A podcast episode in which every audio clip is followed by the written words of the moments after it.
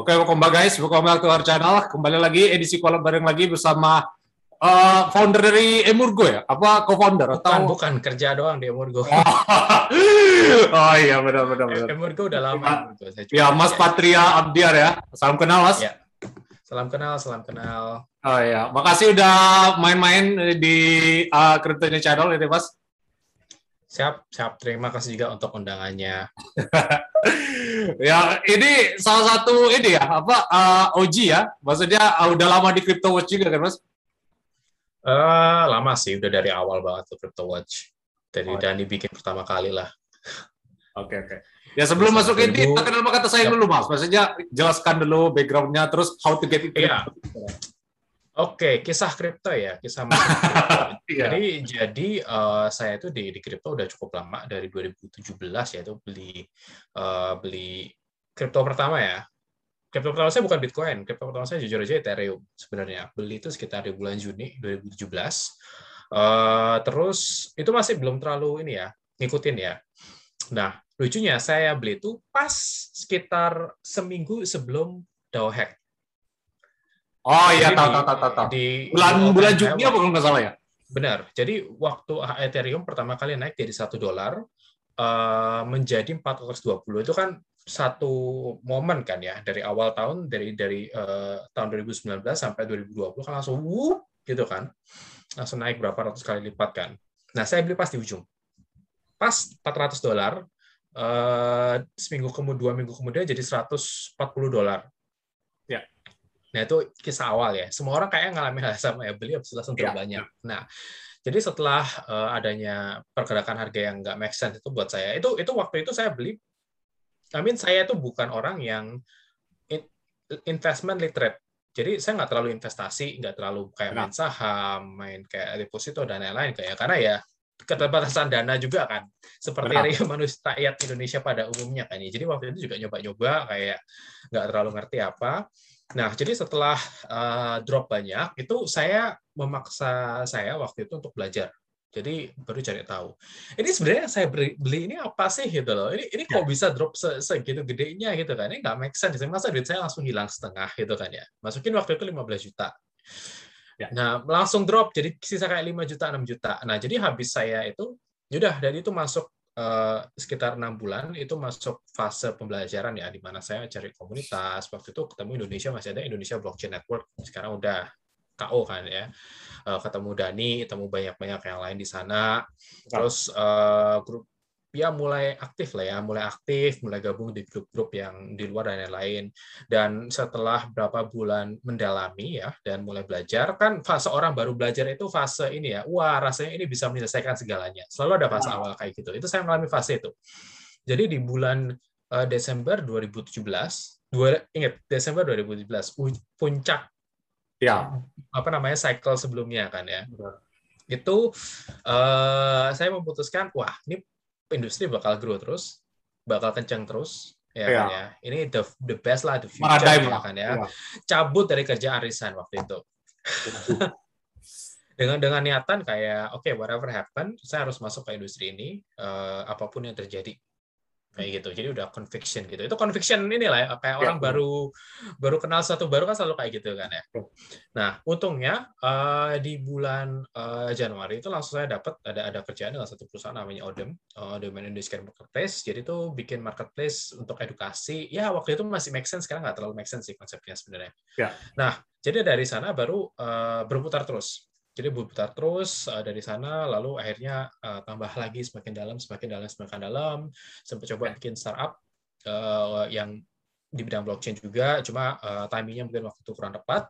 Habis itu lalu ya uh, join ke Emburgo jadi so far sekarang sih udah cukup lama ya. Udah udah empat tahun sih saya dari pertama kali uh, tahu ya soal cryptocurrency sendiri Ya, benar. Oh ya, jadi gitu ya. Apa uh, ya. banyak ya cerita unik yang masuk di kripto sampai memperdalam kayak gitu. Hmm, Soalnya banyak. background Mas sendiri IT kan. Jadi uh, untuk nah, saya saya lulusannya itu hukum.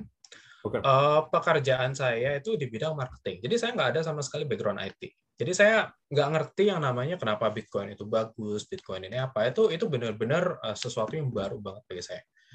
Jadi benar-benar belajarnya pas awal lumayan ini ya, lumayan susah sih. Untungnya waktu itu udah kepala kepepet. Iya, udah cabut kerjaan dan jadi memaksa kayak benar-benar belajar waktu itu. Oh iya.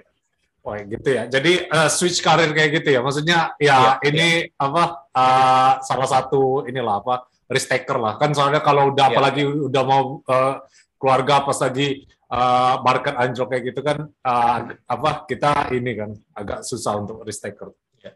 Mungkin kayak gitu ya. Kalau ah. saya 2018 tuh merit. ya makanya, iya makanya kan aku jadi, uh, jadi uh, susah kan. Funny funny side, uh, saya bisa merit juga gara-gara kripto. Gara-gara ya, ya. ada investasi yang cukup naik banyak, ya. akhirnya waktu itu bisa afford merit, padahal kayak setahun sebelumnya masih bingung gitu. Ini merit pakai duit apa nih kayak gitu sih. Iya sih. Cuma ya, ya, ya gitulah kisahnya. Nah ya, mungkin maksudnya kan di sini berhubungan sama Emurgo juga kan. Maksudnya. Uh, ya uh, kalau orang yang mau switching karir ke dunia blockchain tuh uh, kira-kira menurut Mas prospeknya gimana? Eh, besar banget ya. Saya saya urge everyone yang yang sekarang tertarik, yang sekarang uh, tertarik at least lah ya, yang merasa karirnya mentok di dunia kayak mungkin konvensional startup, ya kan ya. Please convert ke blockchain. Try to find uh, opportunity as much as possible di blockchain.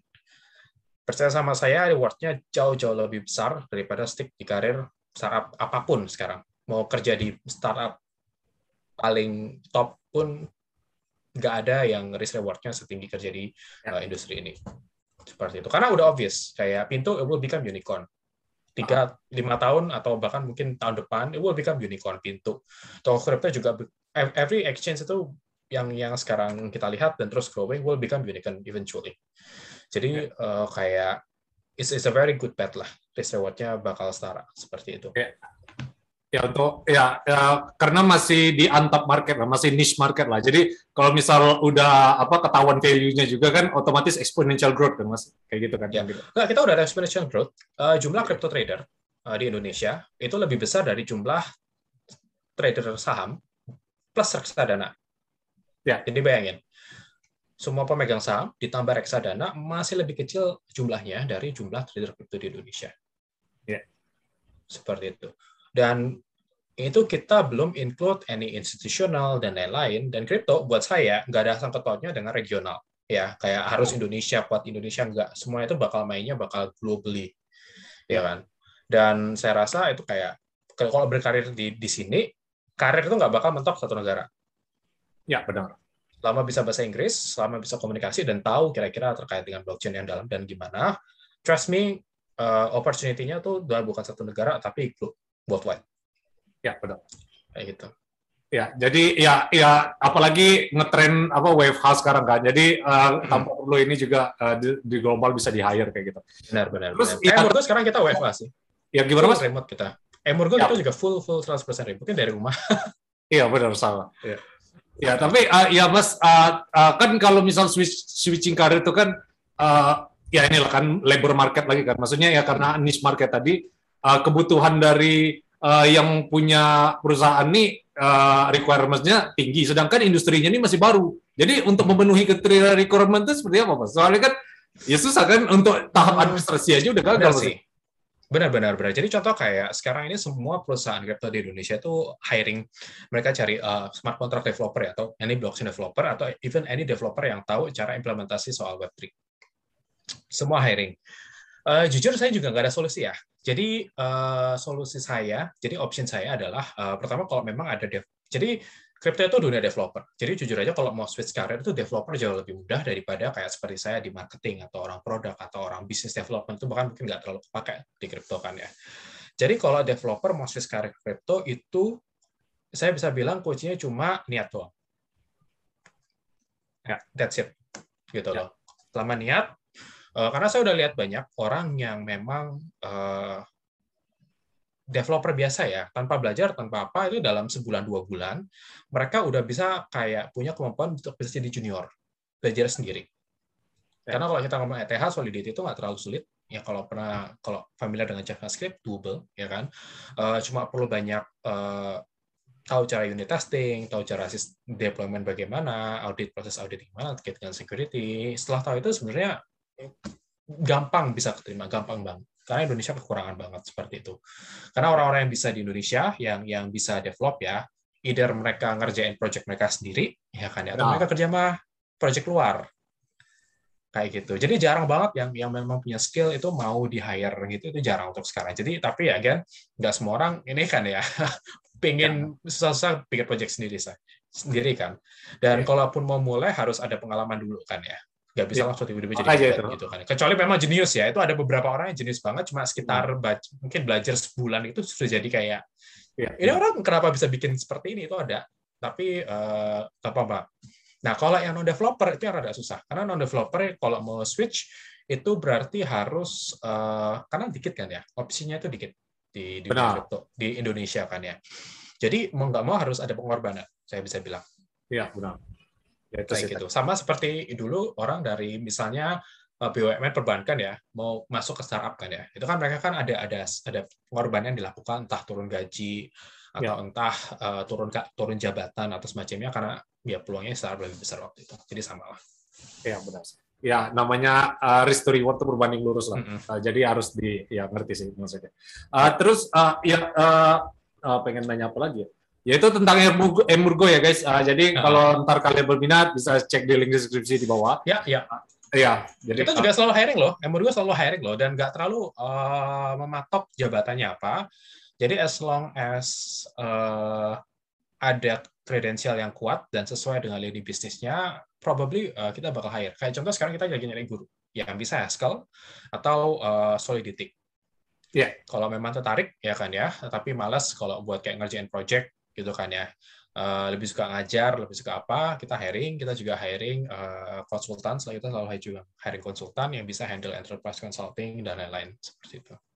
Oke, okay, ya. Ntar aku bakal share di link deskripsi. Hmm. Terus uh, lanjutan dari yang debat Mas kemarin sama Mas Dani terus. Jadi, oh oke. Okay, tadi udah, udah, udah. Ya, aku sempat ya rewind lagi lah. Maksudnya uh, tadi sempat disebutkan yang Murgo juga. Uh, menurut Mas, uh -huh. belajar blockchain itu penting nggak? Iya kan, penting jadi dong. kita iya, maksudnya yes. uh, untuk mengetahui Bitcoin itu kan harus ada di blockchainnya juga kan. Nah, menurut yeah, Mas yeah, gimana? Betul, betul. Itu itu mutlak harus belajar.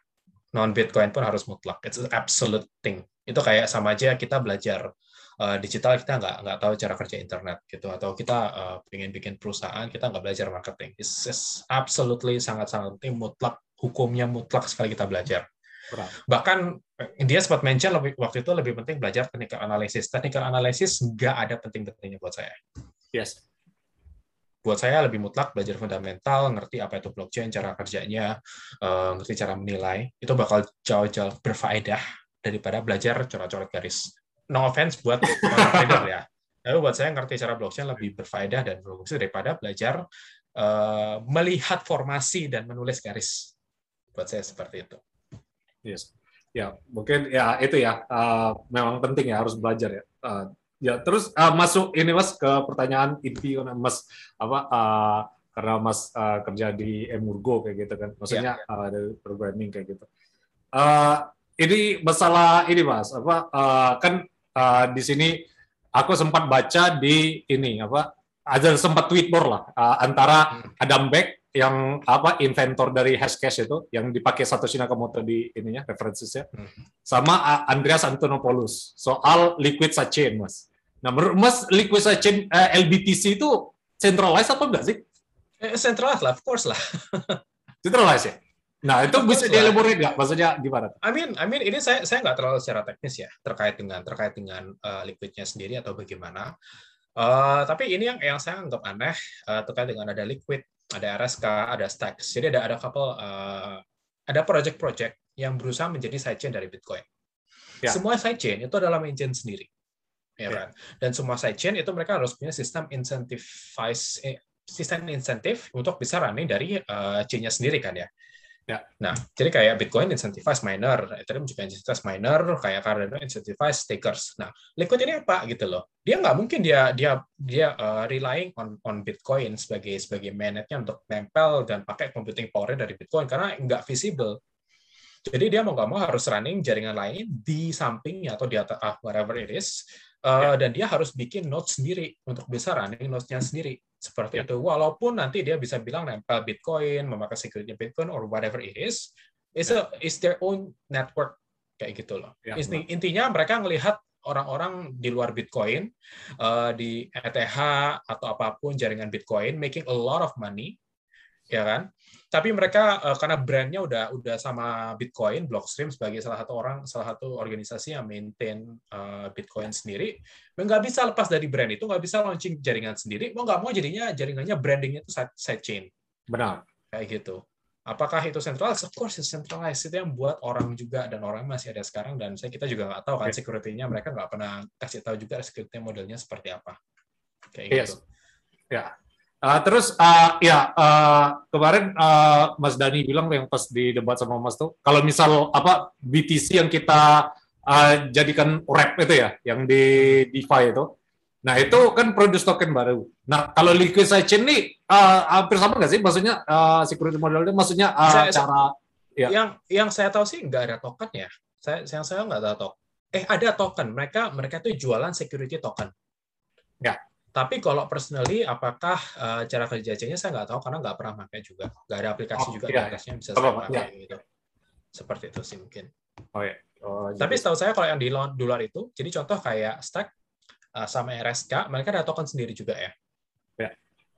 Jadi uh, bullshit lah kalau mereka bilang uh, itu untuk Bitcoin bullshit itu prima juga semua nggak ada nggak ada bedanya sama token non Bitcoin. Oh yang liquid tadi ya? Lain-lainnya.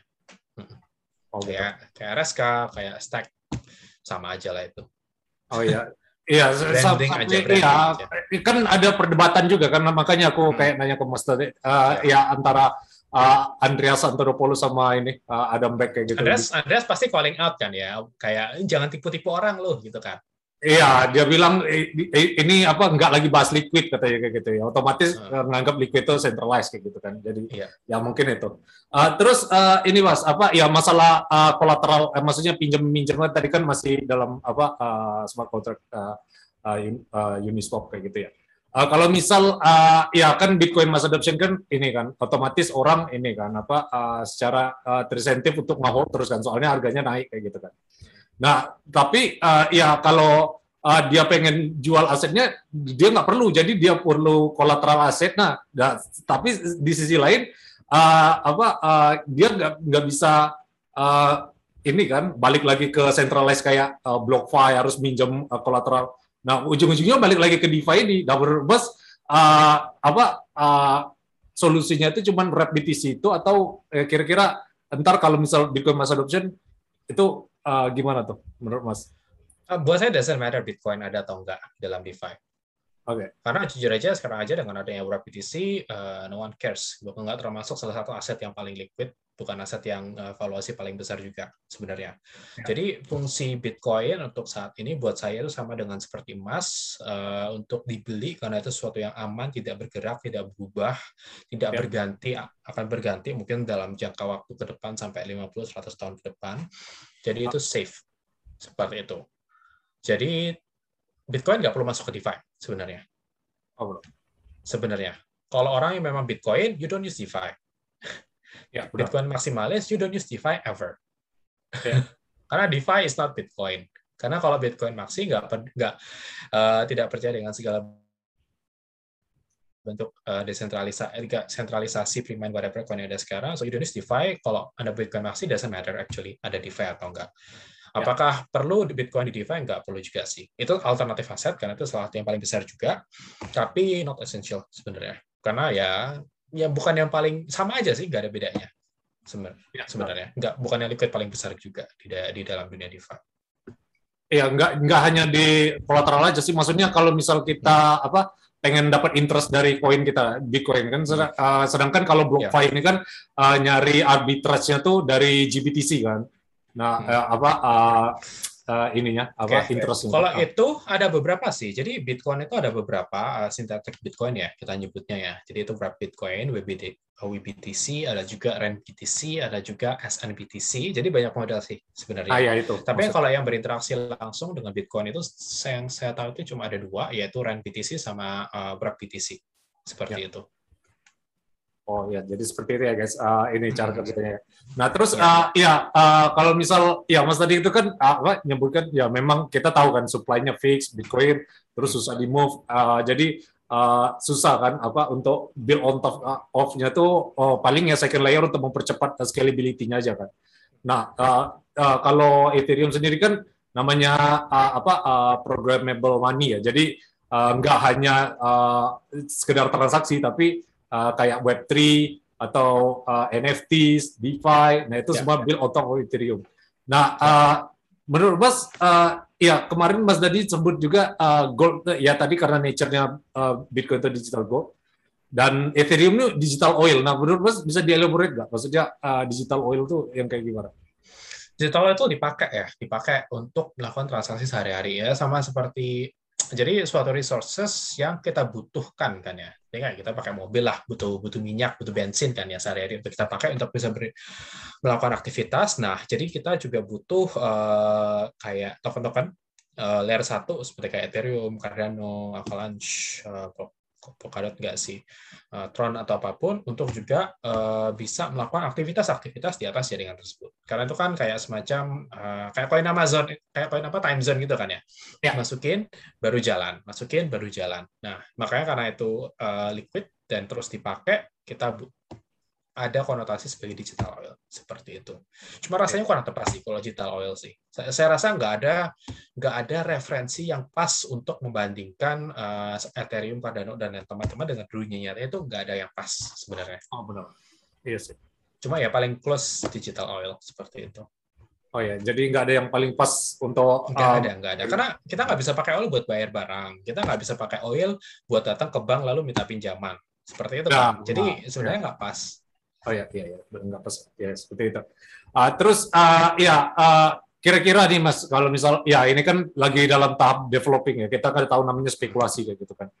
Uh, tapi uh, Web3 itu benar-benar ini nggak sih? The future nggak sih? Maksudnya, ya walaupun sekarang kita ngerti kan, adanya Web3 itu kan karena banyak censorship dari Google lah, dari suka ngeban kalau dia nggak suka sama kita, di ban seenaknya kan. Nah, tapi kan uh, apa masalah network effect dan masalah uh, ini kan apa namanya kalau di platform itu kayak engagement yang agak kurang. Nah jadi menurut Mas uh, Web3 ini gimana nih prospeknya? Absolutely the future. ya. 100%. Bisa di elaborate nggak maksudnya? Ya. Uh, Oke, okay. jadi for me uh, saya saya udah udah uh, tidak akan berkarir di, di luar dunia ini seperti itu. Jadi saya nggak bakal menerima, nggak bakal engage atau nggak bakal apa pun kalau ada tawaran pekerjaan di luar atau yang menyangkut dunia nyata enggak. Jadi kenapa? Karena pertama simple. Web3 dunia, contoh seperti DeFi, itu memberikan suatu akses ke dalam financial yang permissionless. Jadi semua orang di dunia itu bisa memakai, semua orang di Indonesia itu bisa berinteraksi satu sama lain dan menggunakan suatu platform yang sama tanpa ada batasan ruang dan waktu. Seperti itu. Kenapa? Kenapa ini lebih baik? Karena ini jauh jauh jauh jauh jauh lebih efisien dari conventional system, legacy system yang kita ada sekarang. Nih, contoh paling simpel di DeFi kita bisa dapat bunga berapa persen? Banyak optionnya. Ada ada beberapa produk-produk DeFi yang sebenarnya memberikan produk-produk uh, menghadirkan produk-produk keuangan dari dunia nyata yang sebelumnya itu hanya tersedia untuk orang-orang kaya, family office, people dengan duit triliunan ratusan miliar itu mereka memiliki option-option investasi yang jauh berbeda dari kita ya, benar. sebagai uh, rakyat jelata ya. Beda, beda sekali option-option investasi yang mereka miliki. Mereka bisa mendapatkan bunga jauh di atas kita, mereka bisa mendapatkan return di atas kita, dan kita tidak bisa melakukan apa pun untuk bisa memakai barang yang mereka uh, miliki. DeFi memberikan akses itu kepada semua orang. Ya. Jadi jadi assume kalau memang uh, DeFi tidak jalan itu hanya saya rasa uh, karena tes saya DeFi jalan. Jadi untuk bisa bilang DeFi tidak jalan itu hanya jika orang rakyat jelata, rakyat biasa itu tidak peduli untuk mendapatkan untungan lebih besar. Kalau mereka kalau tidak ada yang mencari keuntungan yang lebih besar, DeFi nggak bakal jalan. Oh, gitu. Dan saya rasa itu nggak mungkin. Iya, benar, benar. Seperti ya, itu. Jadi ya. ibaratnya kalau ada 10% dunia nyata, DeFi 50%, orang tetap milih 10%, apa pun apa pun yang terjadi, ya oke, DeFi nggak jalan. Tapi realitanya kan nggak gitu. Oh, ya, benar. Ya, jadi itu ya mengenai Web3 uh, is the future intinya kayak gitu ya. Yeah, is the future absolutely. Uh, uh, terus uh, ya uh, sekarang kan uh, ya mungkin setahun atau dua tahun lagi ya Ethereum 2.0 bakal inilah apa? Hmm. Bakal udah di fase sekarang masih fase beacon chain ya kalau nggak salah ya. Uh, ya udah merge, udah merge tapi belum 100%. Oh iya. Uh, uh, terus kira-kira nih Mas, apa dampak itu 2.0 tuh? Maksudnya bakal mematikan ekosistem DeFi atau justru memperkuat?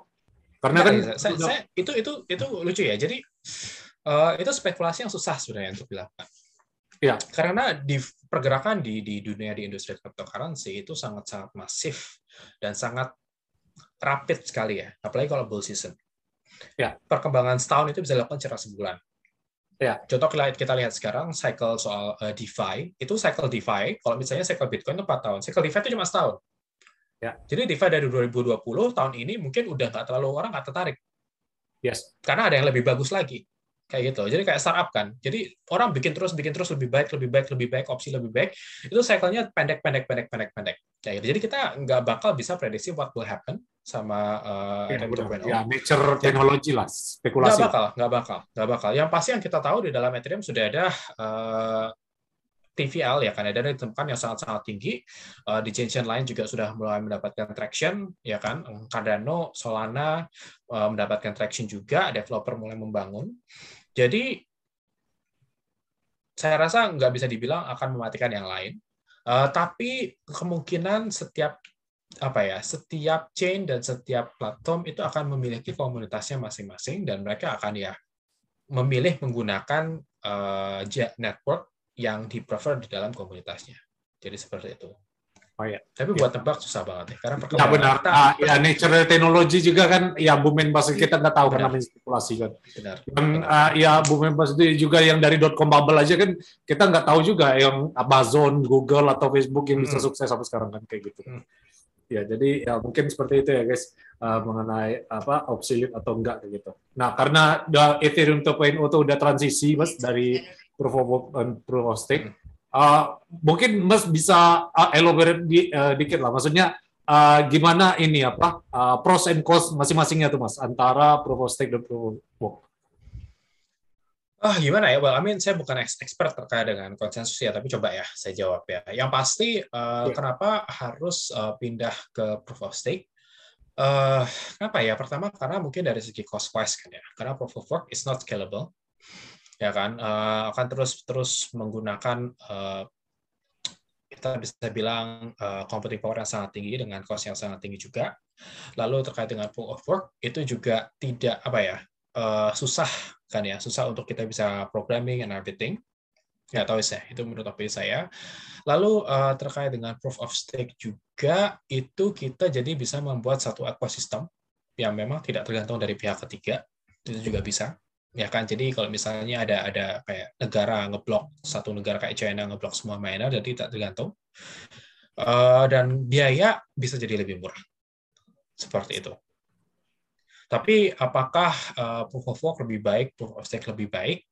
Sayangnya saya bukan dari segi teknis jadi jadi uh, saya tidak bisa terlalu membahas. Dan jujur aja menurut saya nggak terlalu penting juga pembahasan di ya, benar. Ini dari saya general juga kan bahasnya ya. Benar.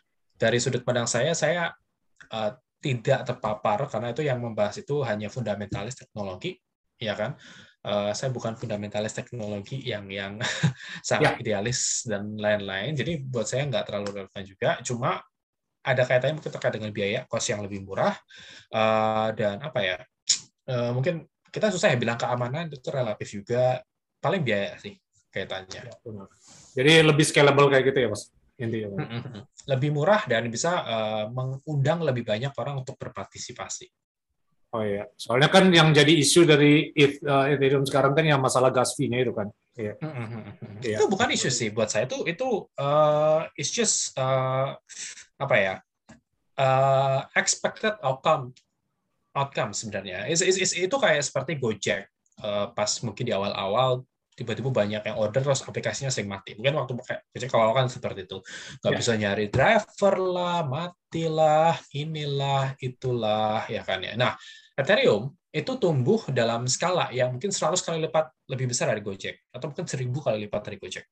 Ya. Sehingga ketika ingin melakukan pergantian dan update, tentunya jauh lebih kompleks karena udah banyak banget yang memakai seperti itu. Ya. Jadi buat saya itu sebenarnya ya masalah, cuma itu kalau main Ethereum dari dulu, dari 2020, it's not a problem at all sebenarnya. Iya benar. Seperti itu. Iya benar.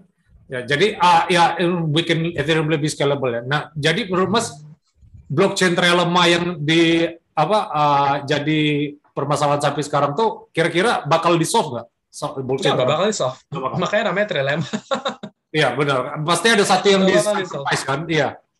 Ya, kita nggak tahu ya. Mungkin bisa di solve, mungkin Jadi decentralized-nya yang di sacrifice Ethereum di sini atau pasti, pasti, pasti decentralized yang yang di uh, sacrifice. Cuma again, kita nggak tahu.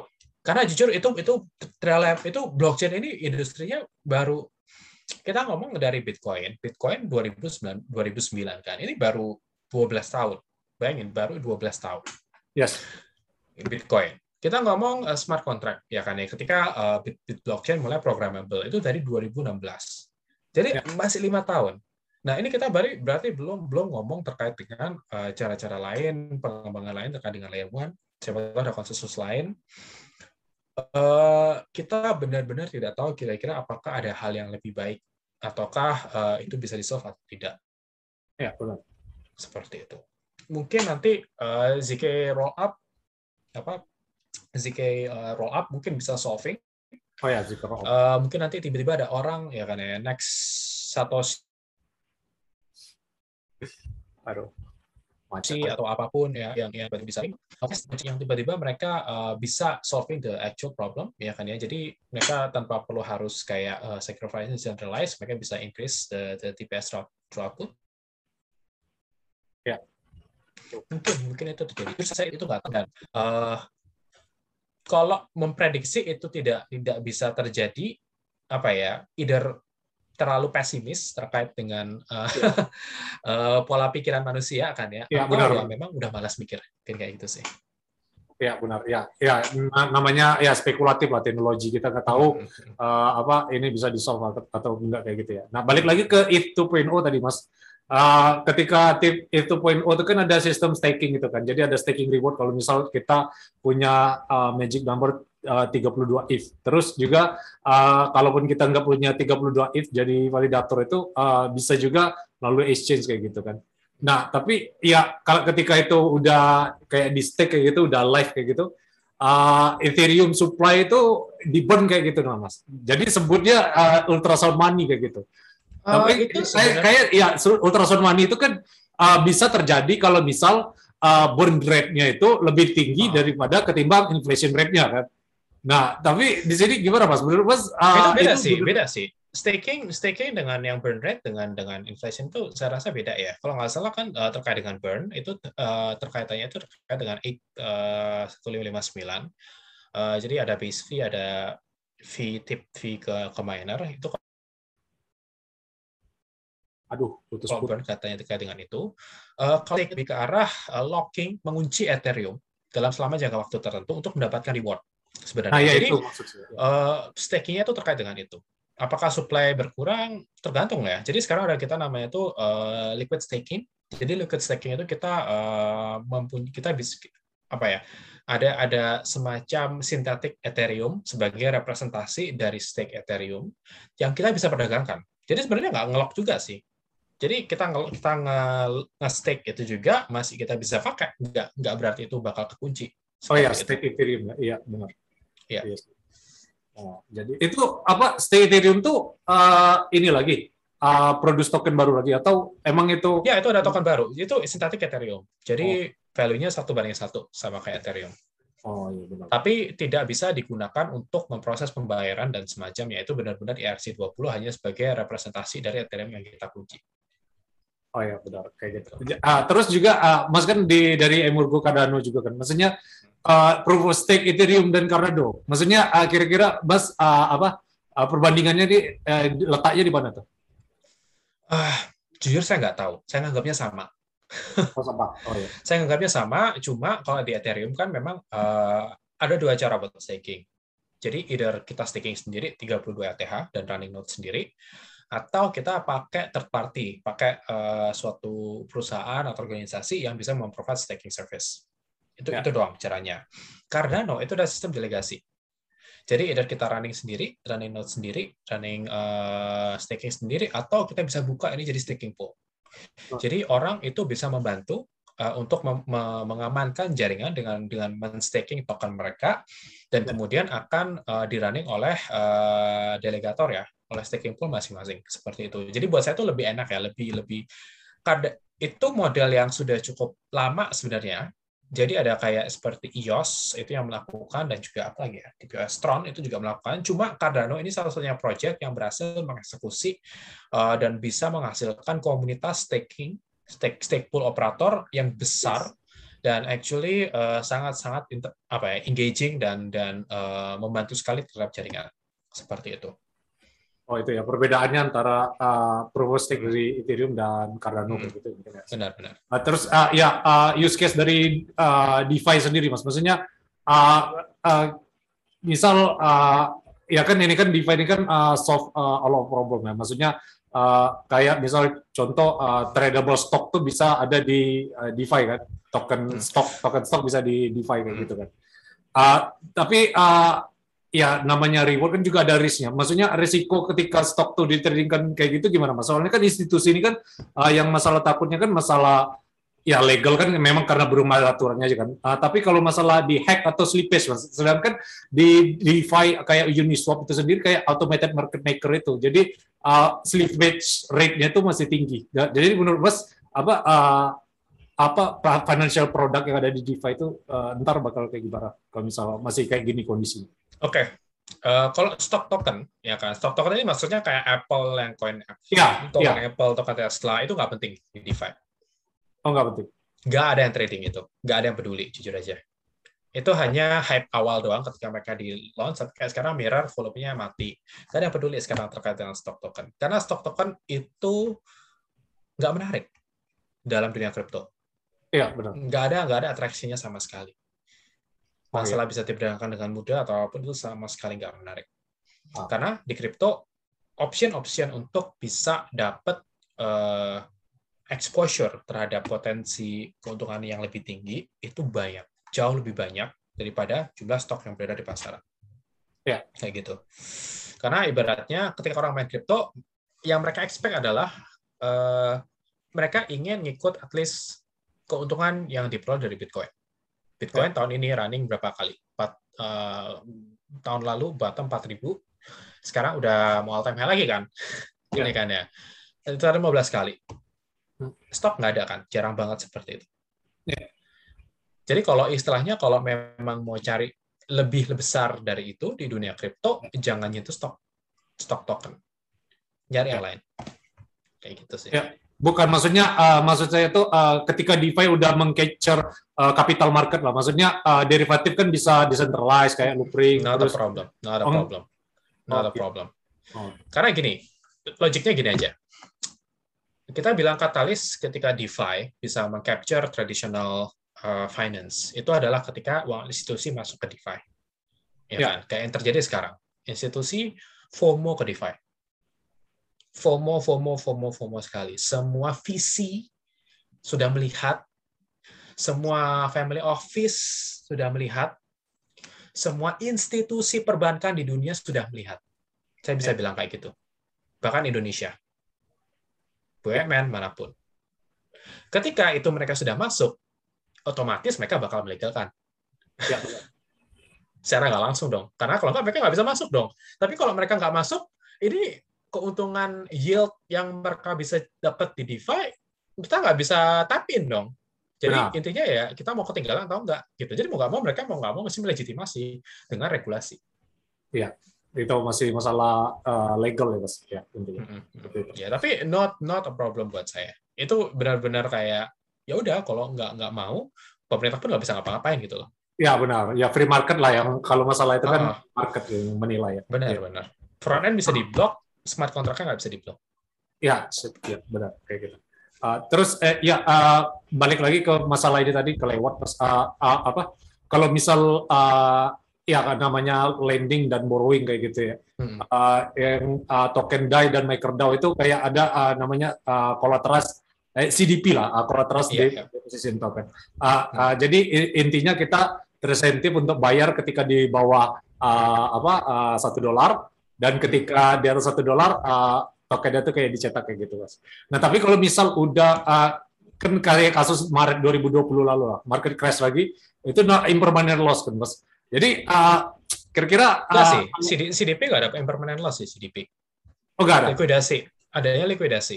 Nah ya likuidasi, iya salah. Ya, ya maksudnya uh, kira-kira uh, ya karena nature market yang masih volatile kayak gini ya karena belum masa adoption aja ya. Mungkin uh, kira-kira kalau ada market crash lagi uh, bakal survive nggak? Maksudnya enggak, ya nggak ada masalah sih survive. Kita udah udah crash bolak-balik semuanya udah mentar, nggak ada yang terjadi, nggak ada down, nggak ada platform yang uh, tiba-tiba punya utang, ya kan ya, ya. nggak ada. So, it's already happen, udah anti fragile, udah terbukti sih. Not not a problem. Likuidasi ya, ya itu expected outcome sih. Itu bukan ya, masalah sebenarnya. Oh, ya, itu benar. itu seperti halnya kayak uh, nggak masuk stop loss ya? uh, nggak, karena itu nggak bisa stop loss juga. Kita iya benar, bukan. Maksudnya kan contoh tadi. Iya. Itu kayak kita yang utang ke bank buat beli rumah terus nggak bisa bayar utang lah. Ya udah rumahnya di, diambil bank kan. Same thing seperti itu. Jadi itu uh, not a problem at all sebenarnya. Oh, itu ya, fitur, itu. bukan problem. Oh itu bukan problem kayak kayak gitu ya. Terus uh, kayaknya oh, oh iya public blockchain mas, maksudnya uh, uh, uh, kata kemarin kan pas yang mas sama mas Dani itu kemarin uh, uh, untuk public blockchain itu agak susah memang kalau selain Bitcoin itu. Menurut Mas gimana nih? Uh, apa uh, kalau yang kayak CBDC atau kayak gitu itu masih mungkin lah. Karena kan tiap bank nih masih ada egonya masing-masing kan. Nah, hmm. menurut Mas uh, gimana nih? Public gimana blockchain? maksudnya? Public blockchain tuh kira-kira uh, bisa ini nggak apa diimplementasi nggak?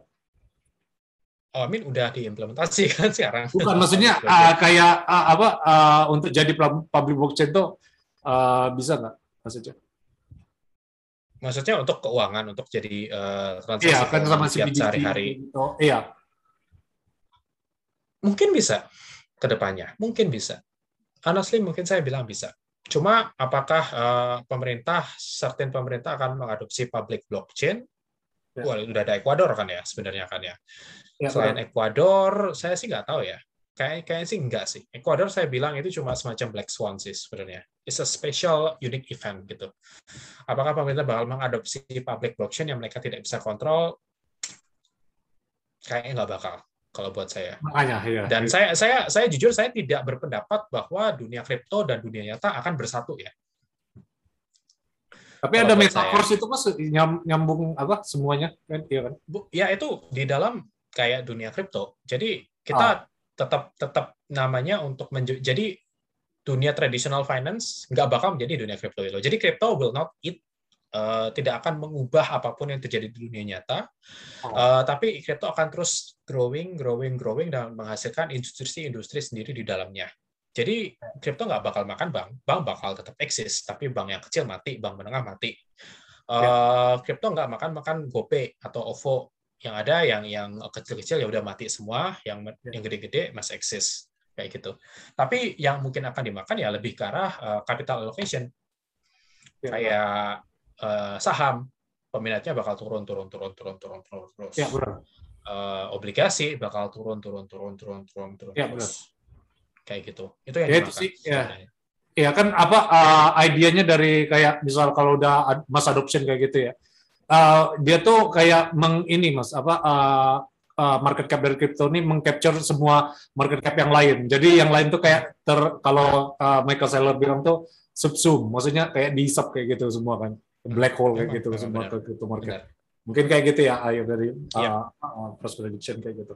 Terus uh, ini uh, ya ini uh, fun fun ini aja mas, maksudnya uh, uh, prediction aja. Maksudnya Mas punya target uh, Bitcoin Price Prediction lah, sebelum ditutup kayak gini. Ya, maksudnya uh, Bitcoin, Bitcoin price at least 100 ribu lah.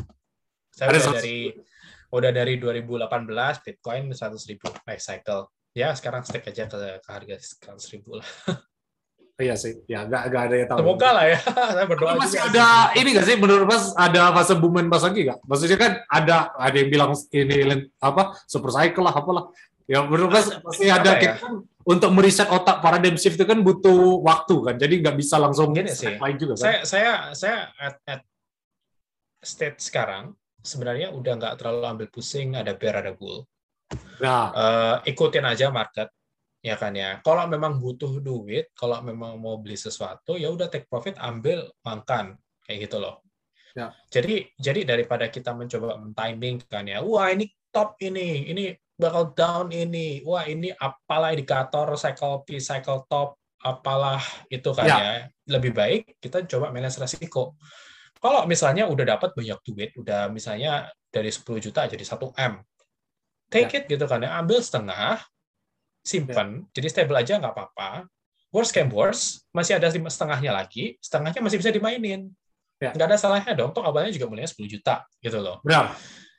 Jadi lebih lebih ke arah situ sih. Jadi instead of uh, timing market, ya udah lebih baik ya manage aja resikonya. Ya. Apa uh, full time crypto kayak gitu ya, Mas? Maksudnya uh, kerja di blockchain kayak gitu. Iya iya kayak gitu. Itu salah satunya. Ntar bakal saya share di link deskripsi. Ah, oh iya terakhir Mas ini kan Mas ah, oh iya tadi terakhir terus. Maksudnya ah, ah, Mas kan ah, kayak waktu itu ini kan ah, aku mungkin entah Mas ini guyon atau apa ah, kayak nge anu apa ah, wifi maksudnya ah, yang dari Andre Koronyi itu. Apa emang Hmm. itu ini Iya. Mas maksudnya iya. Menurut Mas apa yang spesial dari unik dari ini wifi? banyak banget. Jadi itu adalah token pertama jadi Yearn uh, konsepnya sekarang itu ada yield as a service. Jadi uh, siapa pun uh, platform, siapa pun project yang ingin bisa uh, mendapatkan yield secara mudah, secara simple, plug and plug in gitu, mereka bisa pakai Yearn. Karena Yearn itu kayak pabrik untuk nyari yield dan terus harvesting, harvesting. Terus di mana ada yield, mereka pasti deploy. Ya. Gitu. Jadi itu menarik. Dan mereka juga uh, salah satu uh, ini ya eksperimental DAO yang jalan. Jadi Decentralized Autonomous Organization, uh, mereka salah satu yang jalan dan cukup uh, memegang peranan penting ya di dalam uh, perkembangan dari DAO itu sekarang. Dan mereka juga punya tim yang top-top sih, kalau saya bilang. Itu udah jadi kayak leader-leader di, di dunia DeFi lah, seperti itu. Dan Iya. mereka juga ini ya, uh, project-project yang dibangun di atas YF itu juga udah banyak. Dan uh, bahkan sekarang udah ada yang bahkan sekarang lebih besar dari FI-nya sendiri. Kayak gitu. Ya sih. Ya ya apa uh, DAO-nya ya mungkin ya jualnya yang paling Hmm. Ya. Tapi mereka top, masih top. Saya masih pegang, belum jual sama sekali. Walaupun Ya, kan sampai orang bilang ah, Masih lebih mahal dari BTC kan? Iya, masih strong hand sampai sekarang. iya uh, apa uh, lebih harganya lebih mahal dari BTC kayak gitu ya? Enggak Terus, oh, sekarang, iya. enggak. Sekarang 34 ribu, 35 ribu, setengahnya sekarang. Oh setengahnya sekarang. Mereka kalah, iya, iya. Ya, ya belum. Ya, ini lagi ya paling. Ntar ya kalau misal ya kan itu kan karena supply-nya uh, lebih dikit dari BTC kayak gitu kan mas. Nah jadi uh, cara uh, apa Prime ini uh, apa, apa dia buat token itu gimana ya? Maksudnya uh, da- da- bisa angkanya dikirimkan biasanya kalau Prime itu banyak kayak gitu. Ya tinggal tinggal input angkanya ya suka hati Tinggal gitu, mau bikin Oh, token. gitu. Mau soalnya kan kalau udah full secret, uh, mungkin Mas pernah dengar namanya fully diluted valuation kayak gitu ya. Kalau Iya, semua iya. uh, token udah disirkulasi, nah itu total ASI uh, value-nya kayak gitu kan. Ya itu yang penting bukan jumlah token sebenarnya. Cuma kalau di crypto ada unit. Ya sih orang nyari yang koin-koin murah aja makanya SIBA naik banget, Doge naik banget. Oh iya. benar. Cuma ya untuk bikin unit supply tinggal ketik aja sih sebenarnya. Pas ketik Oh, klik iya. create token udah jadi sebenarnya. 5 menit doang paling. Oh ya, ya udah. Uh, mungkin itu ya itu aja sih. Ya udah Mas, thank you aja udah ini Oke. apa main-main uh, udah hampir mau sejam juga. Uh, thank you Ya. uh, udah main Crypto Channel. Ntar saya bakal link di, di deskripsi. Uh, mungkin itu aja ya Mas, leave a like and subscribe Siap. to our channel. Siap, siap, siap.